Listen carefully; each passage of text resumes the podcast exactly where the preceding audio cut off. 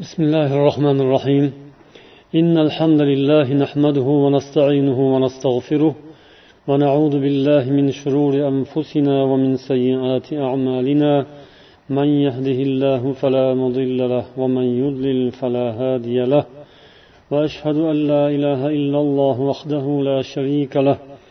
وأشهد أن محمدا عبده ورسوله. أما بعد عزيز برادر الله hurmatli opa singillar assalomu alaykum va rahmatullohi va barakatuh. Axloq mavzusidagi suhbatlarimizni davom ettiramiz. Ma'lumlaringizki biz avvalgi uchrashuvlarimizda saxovat haqida gaplashdik va saxovat kalimasi arab tilida olingan arabcha as saho kalimasining bizda o'zbekchada saxovat deb ishlatamiz saxiylik. Va bu bizning tushunchamizda bu xulqning ifodasi faqatgina birgina so'z bilan ko'proq ifodalanadi. Hamma vaqtda shu saxiylik deb qo'yamiz lekin buning chuqur ma'nolari borligi uning qirralari juda ham ko'pligini ham eslab o'tdik va bularning hammasi arab tilida kelgan. Ya'ni siz bilan bizga islom dinimiz bilan birga kelgan. Arab tilida esa bu tushunchaning qirralari ko'p va har biri o'zini alohida nomiga ega. Shulardan biz jud haqida karam haqida esladik. Ya'ni as saho val jud val karam. Ana shunday ibora kalimalar bilan arab tilida keladi. Yana al isor ham bor. Biz buni o'zimizning tilimizga yaqinlashtirib tushunamiz. Biz aytdikki bu bizning tilimizda ishlatilmasa ham masalan jud karam hozirgi kunda ammo buning ma'nolari bor buning amali bor. Biz shu qilayotgan ishimizni yoki qilishimiz kerak bo'lgan ishni o'zining ismi bilan bilishimiz bunga yanayam chiroyliroq amal qilishimizga sabab bo'ladi inshaalloh. Biz saho haqida gapirdik jud haqida gapirdik. Endi bugun karam haqida so'zlaymiz ozgina.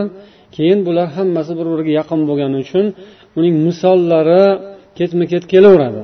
Lekin biz saho bilan judni va yana jud bilan karamni agar farqini biladigan bo'lsak hayotimizda uchraganda ha mana bu judga kiradi deb qo'yamiz.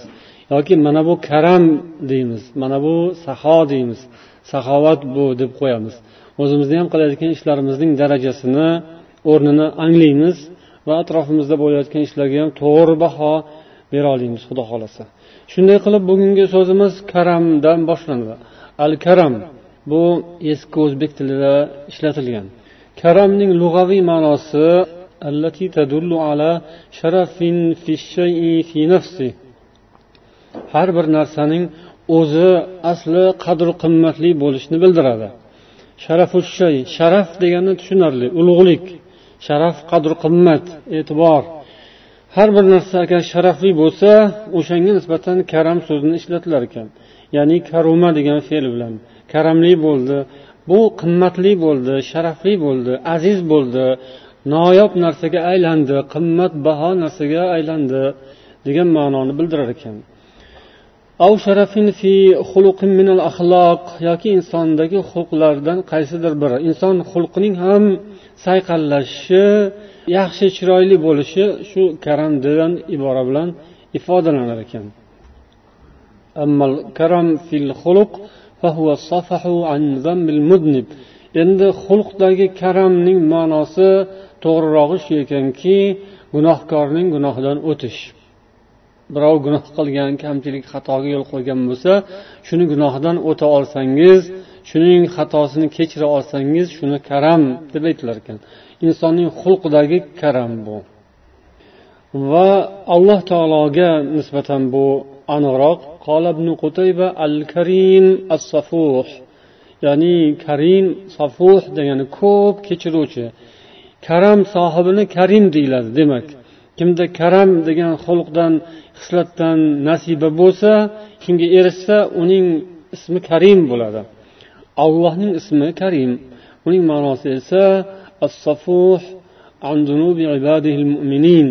mo'min bandalarining gunohini ko'p ko'p kechiruvchi degani bo'ladi karim وقال الجوهري الكرم ضد اللؤم karam bu lu'mning ziddidir deydilar javhariy ya'ni lug'aviy ma'nosida lum pastkashlik laim pastkash odam billah lum pastkashlikning ziddi karam oliyjanoblik ya'ni karumar rajulu deyiladi arab tilida inson karam sohibi bo'ldi ya'ni oliyjanob bo'ldi juda bir yaxshi inson bo'ldi degan ma'noda والكريم الذي كرم نفسه عن التدنس بشيء من مخالفة ربه karim degani shunday insonki o'zining nafsini tabiatini robbisining hukmiga xilof yo'l tutish bilan biror ishda bulg'amagan odam ya'ni robbisining buyrug'iga muvofiq hayot kechirsa o'zini har xil past narsalar bilan bulg'amagan bo'ladi pokiza saqlagan bo'ladi. O'z nafsini o'zining tabiatini bulg'ab qo'ysa demak u karim bo'lolmaydi. Degan ibora ham keladi deyishadi ulamolar. Ya'ni bu odamning otasi karim bo'lgan ya'ni otasi ulug' odam otasi oliyjanob bo'lgan deyiladi. Yoki ota bobolari shunaqa ulug' odamlar bo'lishgan karam sohibi bo'lishgan oliyjanob insonlar bo'lishgan degan ibora keladi. Bu degani yana xulqi keng yuragi keng xulqi yaxshi odam degani. Ikrom va takrim ikrom takrim kalimalari ham keladi. Ikromni o'zimizda ishlatamiz. Izzat ikrom deymiz. Ikrom degani inson نفعا لا تلحقه فيه غضاضة أو يوصل إليه شيئا شريف bir insonga nuqsoni yo'q bir foydani yetkazishni ikrom deyiladi yoki o'zi aslida sharafli bo'lgan qadr qimmati baland bo'lgan narsani bir insonga yetkazishi ikrom deyiladi ikromil mo'minin ikromil muslimin degan iborani qo'llashgan tablig'chilar ya'ni mo'minni izzat qilish hurmat qilish degani uni hurmat qilish nima bilan bo'ladi Man hurmat qilaman deb qo'yish bilanmi? Hurmat qilish albatta qalbdan tug'iladigan narsa insonning dilida paydo bo'ladigan munosabat va u hurmat qilinadigan insonga bir manfaat yetishi kerak. U manfaat shunaqa bir butun manfaat bo'ladi. Unda bir nuqson yo'q unda bir kudurat kir yo'q unda. Top toza pokiza yaxshilikni unga yetkazishingizni takrim deyiladi yoki ikrom deyiladi.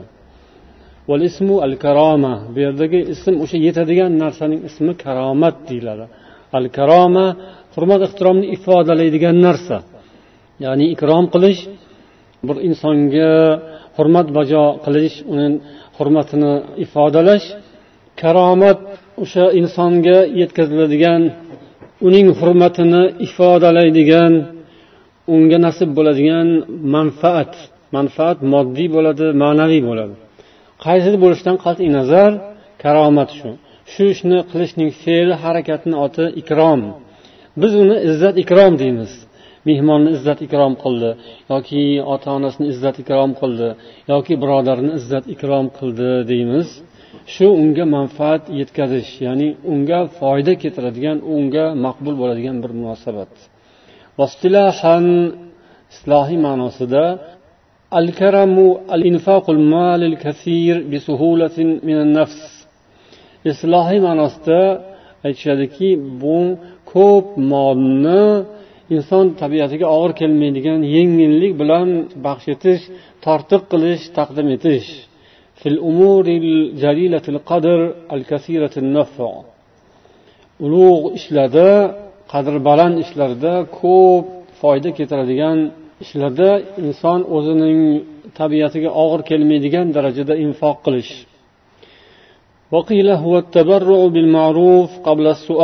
Yana buning ma'nosida aytishadiki so'ramasdan turib yaxshilik qilish. Yaxshilikni so'ramasdan turib baxsh etish. O'z o'rnida taom berish. So'ragan odamga mehribonlik bilan javob qilish. Yana osonlik bilan berish. Bir narsani berishda ham haqiqatdan osonlik bor qiyinlik bor. Hamma ham beradi lekin har xil beradi. Birov osonlik bilan beradi birov qiyinlik bilan beradi. U oson qiyinligi ba'zan zohir bo'ladi ba'zan zohir bo'lmaydi. Odam atrofdagilar uni bilmasligi mumkin lekin insonning o'ziga qiyin bo'lishi mumkin. O'ziga og'ir qiyinlik bilan bersa kulib bersa ham tabassum qilib bersa ham voy mana deb ochiq qo'llikka o'xshab berayotgan bo'lsa ham lekin o'ziga og'ir bo'layotgan bo'lishi mumkin. Ana o'sha og'irlik bilan yengillik o'rtasida farqlanadi karam. Agar yengil bo'lib diliga og'ir botmasdan bera olsa taqdim qila olsa bu karam bo'ladi. O'sha odam karim bo'ladi.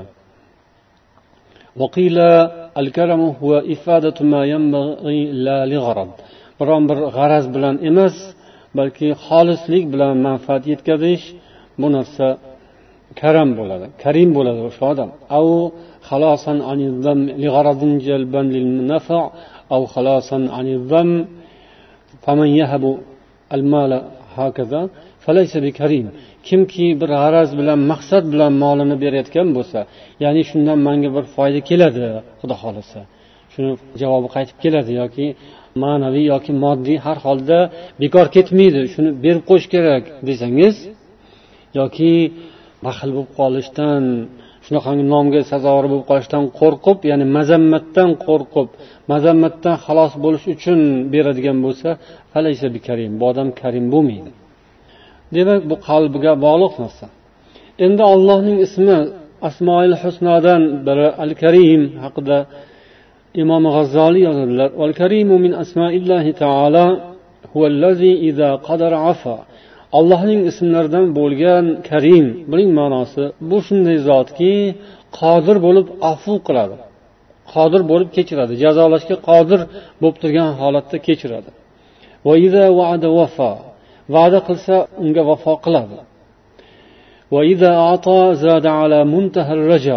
Bersa umid qilingandan ham ko'ra ortiqroq qilib beradi.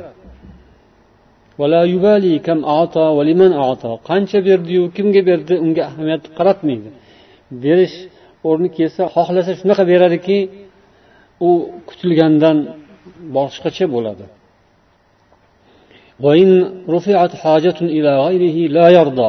Undan boshqasiga hojat ko'tarilsa arz qilinsa unga rozi bo'lmaydi. Ya'ni nimaiki hojati bo'lsa unga murojaat qilishlarini istaydi. Nima kerak? Nima yordam kerak? O'zimga ayt deb turadigan zot.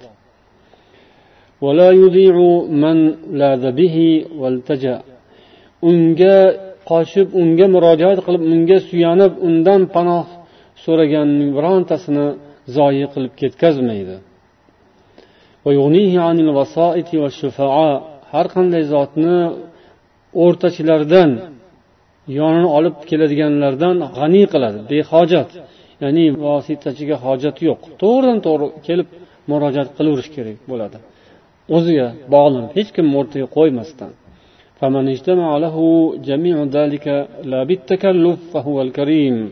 Mana shu aytilgan narsalar kimda agar jam bo'lsa takalluf bilan emas. Takalluf degani urinib o'zini majburlab shunga o'xshataman deb o'shani ichiga kirib haligi rolga kirib deydiyu ichiga kirib turib o'zini shunday ko'rsataman desa bunaqa bo'lmaydi. Takalluf bilan bo'lishi kerak emas. O'zidan o'zi bo'lishi kerak tabiiy holatda bo'lishi kerak. Ichidan chiqib o'zi tabiatan qalbi o'zi shunaqa. Albatta endi bu ham shunday bo'lavermaydiku hamma. Shunaqa tug'iladiganlar ham bor o'zi onasidan. Lekin hamma shunaqa tug'ilavermaydi hamma har xil tug'iladi. Lekin shunaqa bo'lib tug'ilmaganlarga ham shu yo'l bor. Shunga ochiq yo'l ochiq. Shunga harakat qilsa intilsa ollohdan so'rasa shunaqa bo'lishi mumkin inson.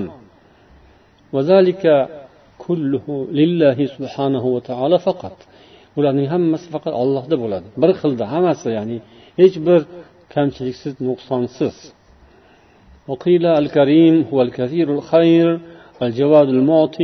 Yana aytildi karimning ma'nosida yaxshiligi judayam ko'p bo'lgan inson yoki zot va berganda tugab qoladigan degan holat yo'q. Uning berishi atosi marhamatlari tugamaydigan.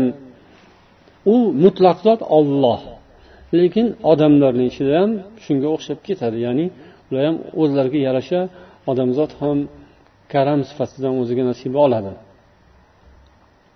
Karamning turlari borligi haqida gapirishadi ulamolar. Kafaviy aytadilarki al karamu inkana bimalin jud. Karam agar mol bilan bo'ladigan bo'lsa bu jud bo'ladi. Judni nima ekanligini o'tgan safar suhbatda gaplashdik. So'ramasdan turib berish va o'sha muhtoj odamni hijolatga qo'ymasdan berish va hokazo. Agar karam ham mol bilan bo'layotgan bo'lsa buni jud desa bo'ladi. O'zi bilib beradi. So'ramasdan turib beradi va oluvchini umuman hijolatga qoldirmasdan bildirmasdanoq deganday. Agar mol bilan bo'lsa bu juddir qodir bo'lib turgan holda zarardan tiyilsa buni afu deyiladi. Demak bu ham karam bo'ladi. Ya'ni birovga zarar yetkazish zarar degani bu yerda jazo bo'lishi mumkin. Birovni jazolash aybiga yarasha unga muomala qilish adl bilan muomala qilish. Mana shunga qodir bo'lib turgan holda o'zini tiysa afu deyiladi. Agar badlu nafs o'zidan bir narsani berish ya'ni kuch quvvatidan nafs inson nafsi joni ya'ni insonning joni tan jonidan unga nimanidir taqdim qilayotgan bo'lsa buni shujoat deyiladi ya'ni shujoat haqida ham gapirganmiz qo'rqmasdan botirlik bilan dadillik bilan nima bo'larkin degan bir ikkilanish bilan emas mana qarasangiz uch xil holatni ko'rsatishgan karamning turlari hammasi karamga kiradi shular. Ya'ni bizning tilimizda saxovat eski tilimizda karam bor judu karam. Uning qirralari bular ya'ni mol bilan bo'lishi mumkin ekan va o'zini tiyish bilan bo'lishi mumkin ekan va o'zining quvvatlarini sarf etish bilan bo'lishi mumkin ekan. Ya'ni moddiy yordam emas balkim boshqa ko'rinishdagi yordam yoki xizmat yoki muruvvat ehson izzat ikromning har xil turi bo'lishi mumkin. Feruzobodiy rahimaulloh yozadilar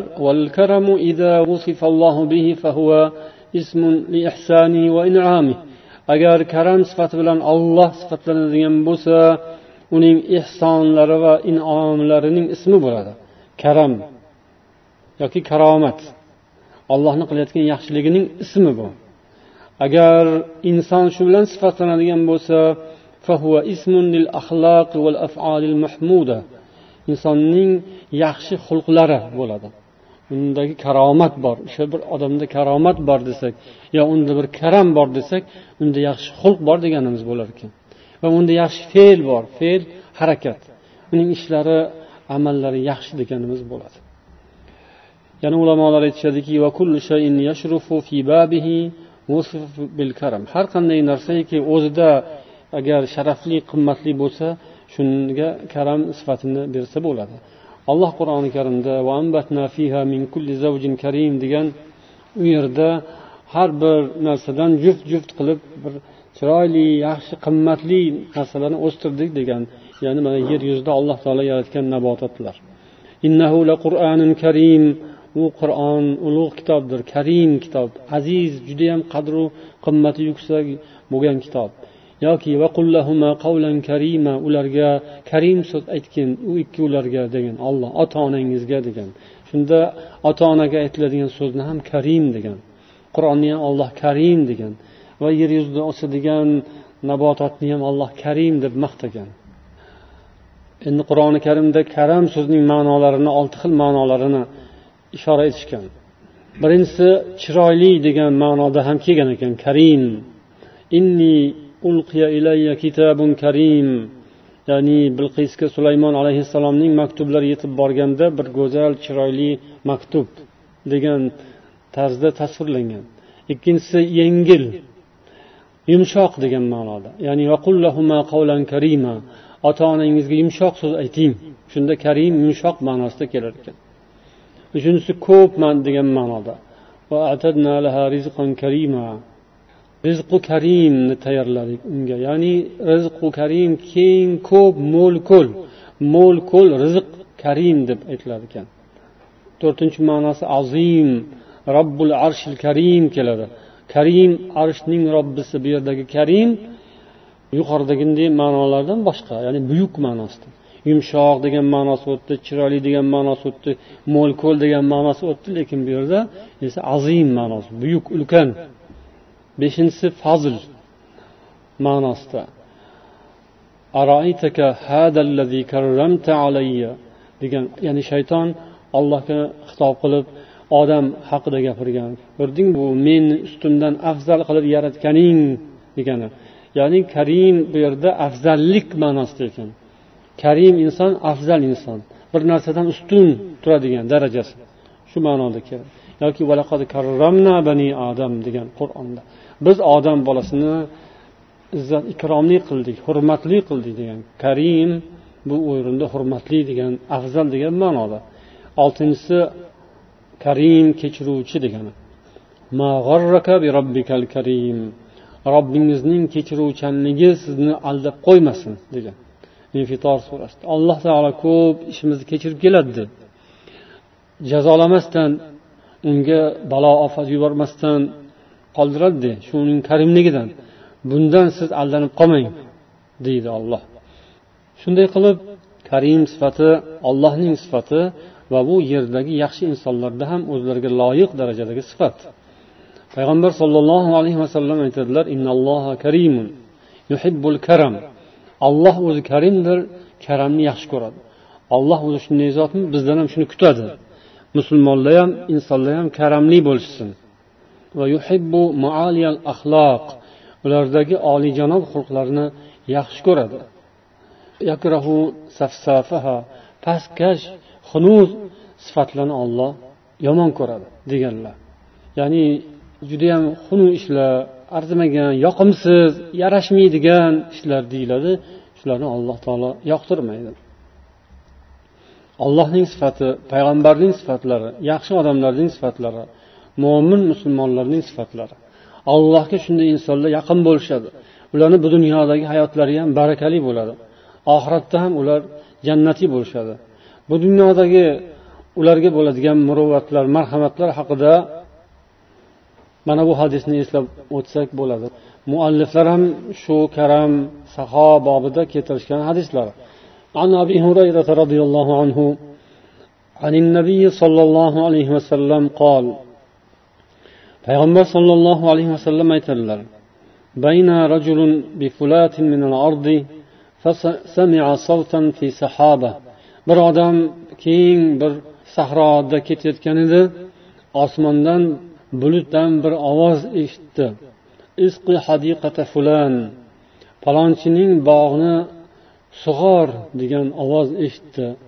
Keyin haligi bulut shundan keyin bir tomonga qarab yo'nala boshladi. Toshloq bir yerga kelib turib yomg'ir yog'di haligi bulutdan va o'sha yerda suv to'plandi. Keyin u hovuzga o'xshab to'plangan suvdan bir ariqcha paydo bo'ldi va haligi ariqdan suv oqib keta boshladi. Uni eshitgan ko'rgan odam keyin o'sha ariq bo'ylab yura boshladi. Bu suv qayoqqa ketayotganini bilish uchun. Bir mahal bir bog'ga borib tutashdi haligi ariq bog'da bir odam qo'lida haskashi bilan suvni u yoqqa bu yoqqa qilib haligi suvni daraxtlarni orasiga ekinlarni orasiga taratib tarqatib turgan ekan. Keyin undan so'radi ey abdulloh ismingiz nima? Salom alikdan keyin. U odam ismini aytdi. Shuning ismi qarasa bulutga aytilgan xitobdagi ism edi. Falonchi degandagi ism bilan shu odam ayni shuning o'zi ekan. Keyin so'radiki nima uchun mani ismim haqida so'rayapsan ey abdulloh deb so'raydi. Keyin bu kishi eshitganini gapirib berdi. Ya'ni man shunday yo'lda ketayotganimda osmondan ovoz eshitdim.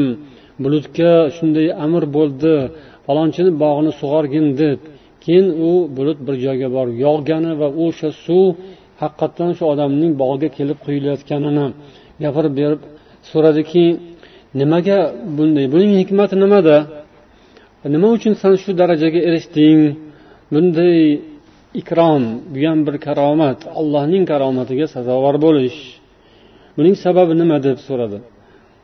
Keyin u odam aytdiki agar sen bu haqda so'raydigan bo'lsang mening qiladigan ishim shundayki man mana shu yerga mehnat qilib bu ekinlarimning hosilini kutaman. Hosili bo'lgandan keyin uchga taqsim qilaman. Uning bir qismini o'zim va oila a'zolarimiz bilan iste'mol qilamiz. Ikkinchi qismini esa sadaqa qilaman alloh yo'lida. Uchinchi qismini esa mana shu yerning o'ziga qaytaraman dedi. Bu ham karam va saxovatning bir ko'rinishi bo'lsa shu bilan bir qatorda allohning shunday karam sohiblariga saho sohiblarga bu dunyoda ko'rsatadigan izzatu ikromining bir misoli. Salmon forisiy roziyallohu anhu aytadilar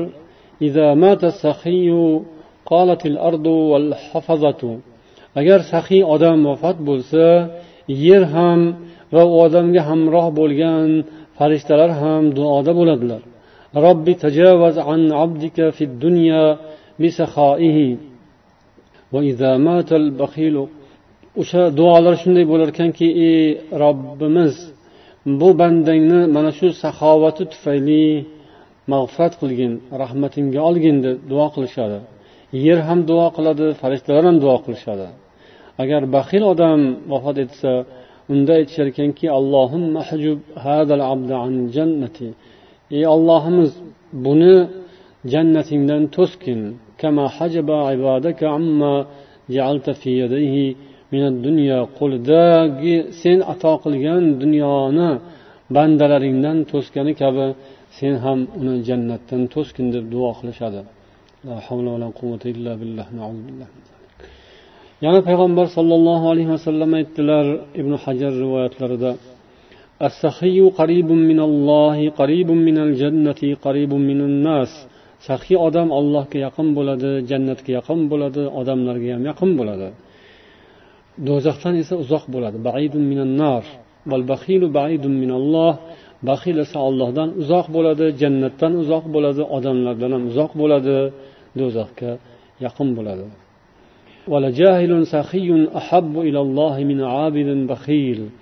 Johil saxiy baxil obidga qaraganda allohga yaqinroqdir mahbubroqdir ya'ni ibodat qiluvchi. Lekin o'zi baxil. Ko'p ibodat qiladi lekin baxil ko'p narsani yaxshi bilmaydi bilganiga undan ko'ra johil ya'ni bilmaydigan odam lekin saxiy. Bu aytish mumkin. Ko'p narsani bilmaydi johil lekin to'g'ri bilganiga amal qiladi. Uning sifati saxiy. Saxiyligi unga sifat bo'lgan. Bu inson ko'p ibodat qiluvchi lekin o'zi baxil bo'lgan odamga qaraganda alloh taologa yaqinroq bo'ladi. Alloh hammamizni saxiylarni qatoriga qo'shsin وقال علي بن أبي طالب أيضا البخل جلباب المسكنة baxillik bu faqirlik jilbobidir ko'pincha saxiy odam mana shu saxovati tufayli jannatga kiradi yana abdulloh ibn abbos roziyallohu anhudan rivoyat u kishi aytadilarki bu dunyodagi odamlarning sayyidlari saxiylar bo'ladilar oxiratda esa taqvodorlar bo'lishadi. Adabu dunyo va din.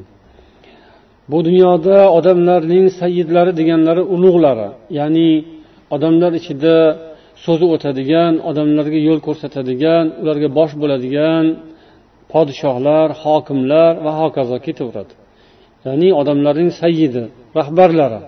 boshlari bular saxiylar bo'lishadi ya'ni bu deganlar aslida shunaqa bo'lishi kerak odamlarning kattasi odamlarning rahbari podshosi hokimi shunday sifatga ega bo'lishi kerak قال محمد بن عباد بن عباد بن حبيب bu kishi aytadilar بعث مروان وهو على المدينة ابنه عبد الملك إلى معاوية marvon madinaga hokim bo'lib turgan paytda o'g'lini muoviya huzurlariga yubordi xalifaga فقال إن لنا مالا إلى جنب مالك بموضع كذا وكذا من الحجاز aytdiki hijozda mana falon falon joyda sizga qarashli bir yer bir mol bor o'sha bizning haqqimizga yonma yon ikkalasi bitta joyda joylashgan buni biridan ikkinchisini ajratib bo'lmaydi Agar biz sizga qo'shib bersak sizniki shunda butun bo'ladi sizga foyda bo'ladi.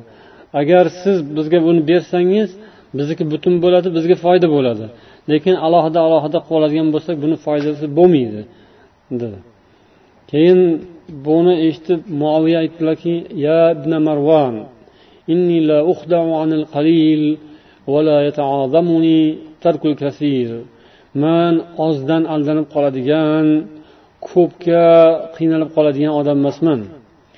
Ya'ni oz narsaligi tufaylidan aldanadigan odam emasman. Oz bo'lsa ham haqqimni bilaman. Kattaligini nima ekanligini lekin ko'p narsa ham man uchun uncha og'ir ish emas.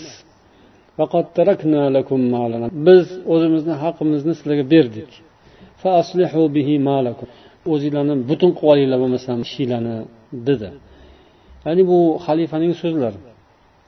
Endi xalifaga qiyin emasda deyish mumkindir. Unday emas gap insonning xalifaligi amirligi podshohligida emas insonning qalbida. Ya'ni bu ish insonning qalbidan keladi. Avval insonning dili saxiy bo'lishi kerak. Oysha roziyallohu anhu onamiz haqlaridagi rivoyatlarni eshitgansizlar. Ya'ni u kishiga shunday bir kunda yuz ming dirham yo yetmish ming sakson ming yuz ming yoki undan ortiq kelardi va o'sha kuniyoq tarqatib yuborardilar engilarida esa yamoq solingan ko'ylaklari bo'lardi bu ham inson qalbining saxovatidan darak beradigan narsa وقال محمد بن المنكدر رحمه الله تعالى كان يقال إذا أراد الله بقوم خيرا أمر عليهم خيارهم shunday so'zlarni hikmatsiz so'zlarni eshitardik deydilar muhammad munkadir agar olloh bir qavmga yaxshilikni istasa ularning yaxshilarini ularga bosh qilib amir qilib qo'yadi.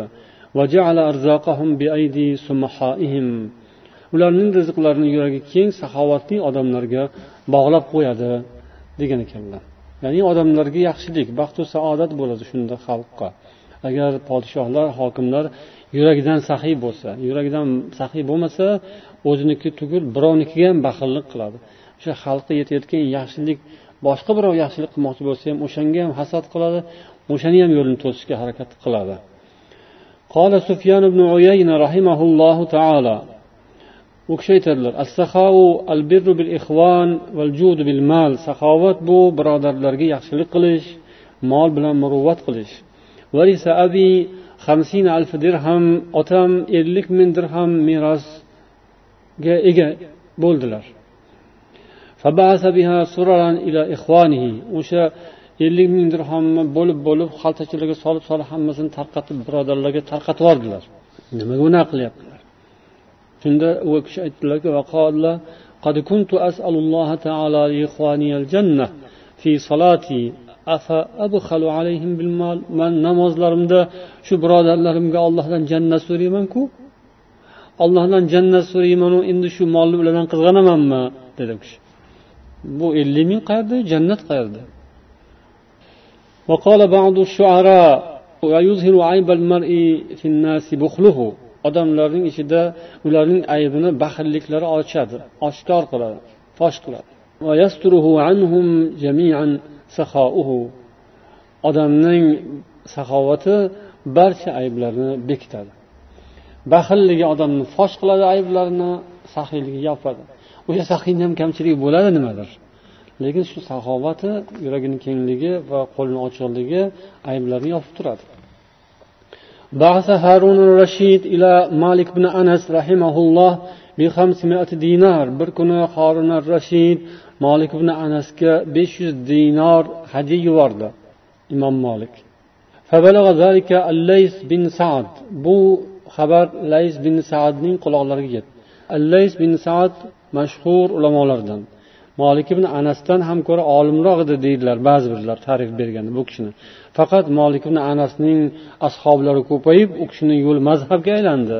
Ya'ni yordamchilari talabalari shogirdlari lekin allays ibn saadni bunaqa yonlarida qo'llab quvvatlaydigan targ'ibot qiladiganlar uncha bo'lmagani uchun bu kishini yo'li mazhabga aylanmadi deyishadi.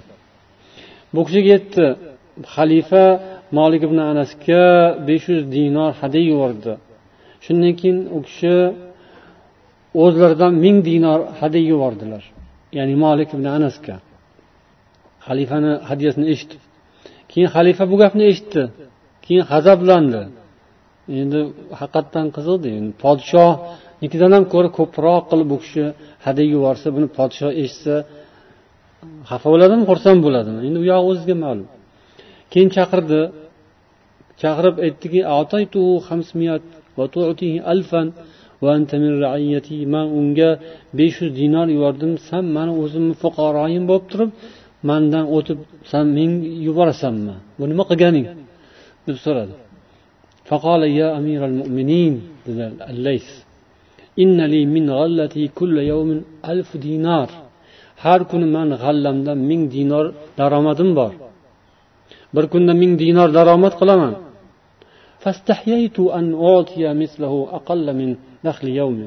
Manga bir kunga keladigan daromaddan ko'ra kamroq shuni yarmi o'sha insonga borishidan uyaldim man u podshohga tanbeh berish uchun emas o'zi olloh oldida uyalgani uchun bu kishi ming dinor yubordi. Podshohni jahli chiqdi va uni sababini bu kishi tushuntirib berdi. Nimaga unday qilganini? Man o'zim bir kunda shuncha daromad qilib turib bir olim dunyo olimi u kishi. Butun oxiratgacha u insonning nomi millionlab odamlarning ustozi haligacha bundan keyin ham. Shunday insonga shu manikini bir kunligimmi yarmi boradimi deb uyalib ketdim.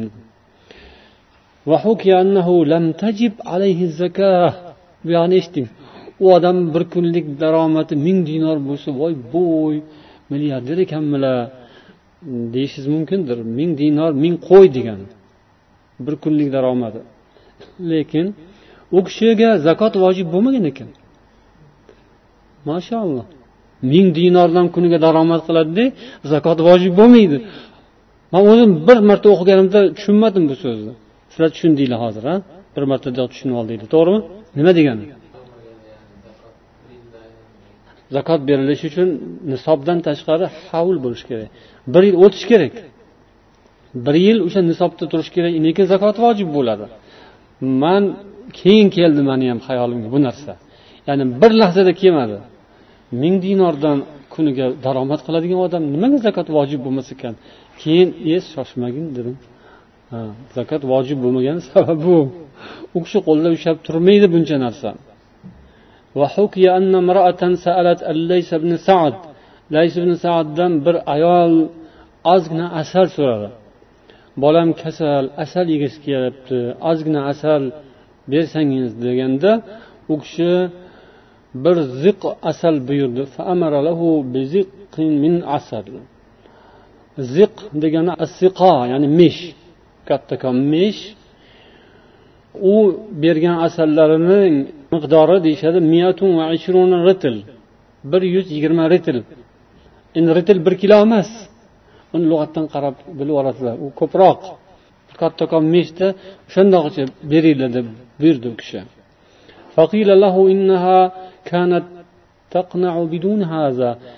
Bunaqa shart emas edi unga.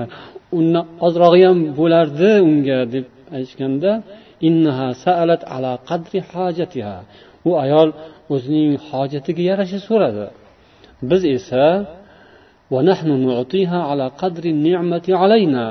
allohning ne'matini qadrga yarasha beramiz dedilar. O'zini hojatiga yarasha so'radi. Biz esa ne'matning qadriga yarasha beramiz bu ne'matning shukronasi bo'ladi. Olloh berayotgan ne'matni qadri bo'ladi insonga. boy odam milliarder odam xasis odam baxil odam ne'matni qadrini biladida o'shaning uchun mahkam ushlab yotadida bag'riga bosib ustiga o'tirib kalitlarni o'shanaqami u qadrini ne'matni qadrini bilganidan yo'q u ne'matni qadrini bilish unaqa emas bunaqa bo'lar ekan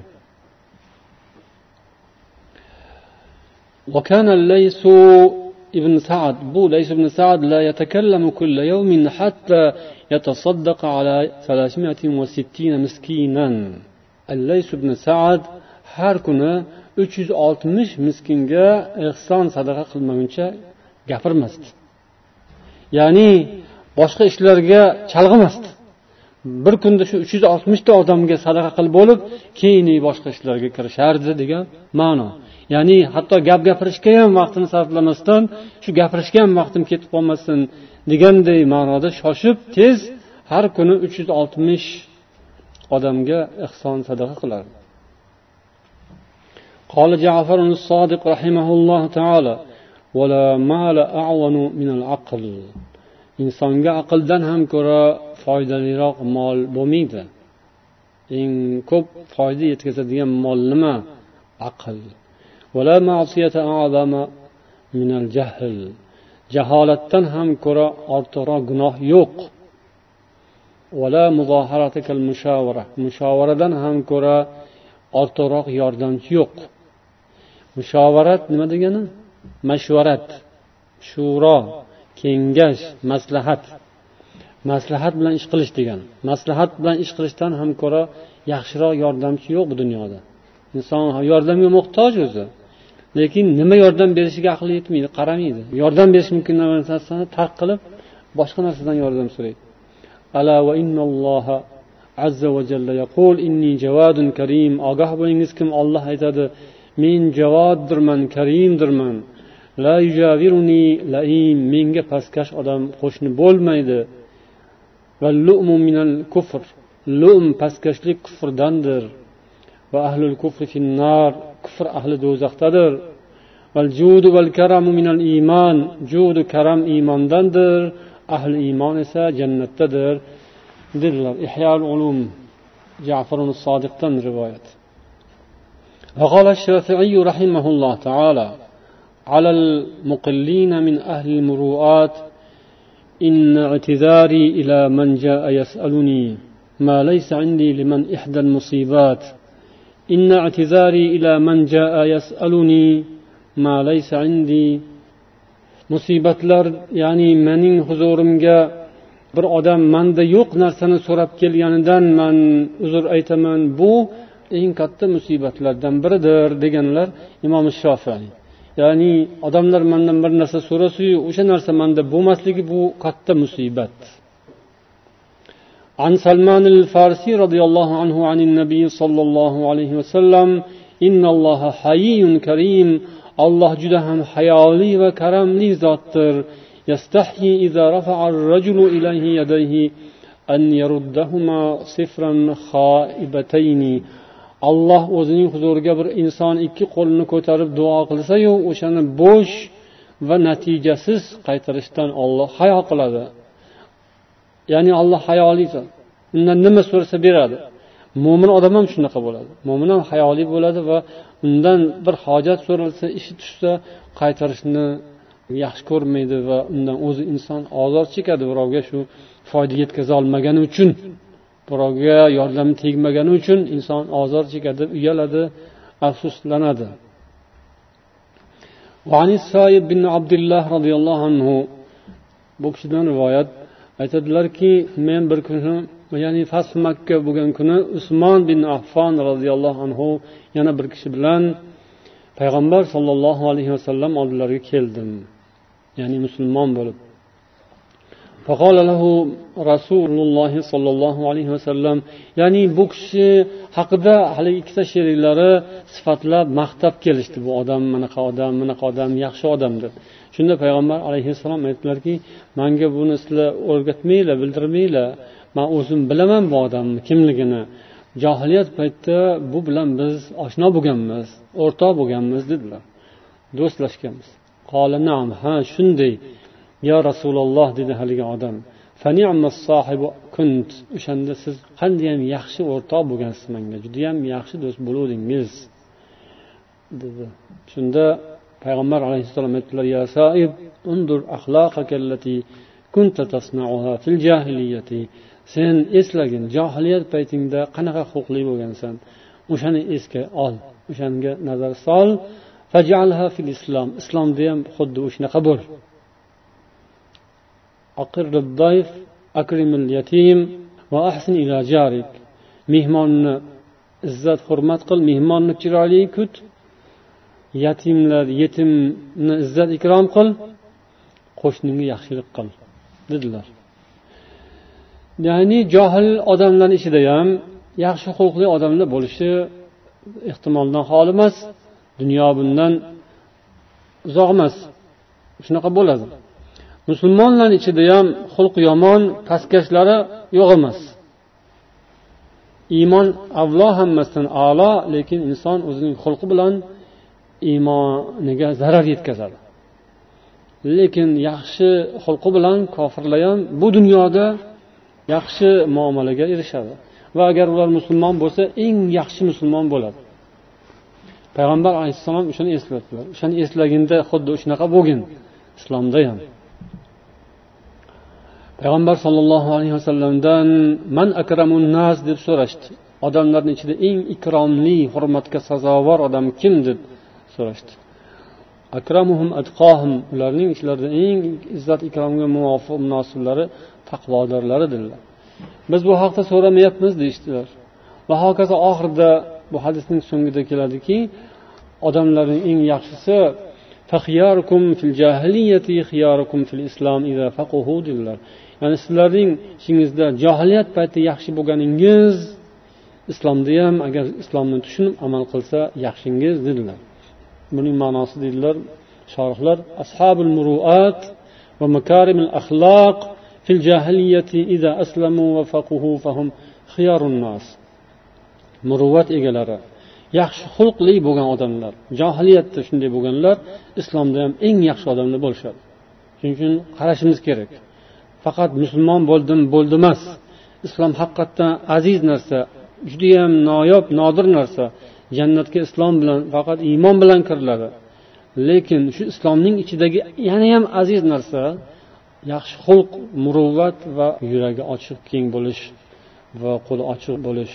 Bu bilan inson alloh huzurida va odamlarni ham oldida e'tiborli bo'ladi va uning so'zi ham ta'sirli bo'ladi inshaalloh va uning ishlari ham barakali bo'ladi. Bu dunyoda ham oxiratda ham unga alloh taoloning marhamatlari ko'plab nasib bo'ladi. Alloh hammamizga shunday yaxshi xislatlarni nasib etsin. Islomiy xulqimizni sayqallab borishimizni alloh taolodan so'raylik va shunga harakat qilaylik. Eshitganimizga amal qilishga alloh o'zi muvaffaq aylasin. Subhanakallohumma va bihamdik. أشهد أن لا إله إلا أنت أستغفرك وأتوب إليك. والسلام عليكم ورحمة الله وبركاته.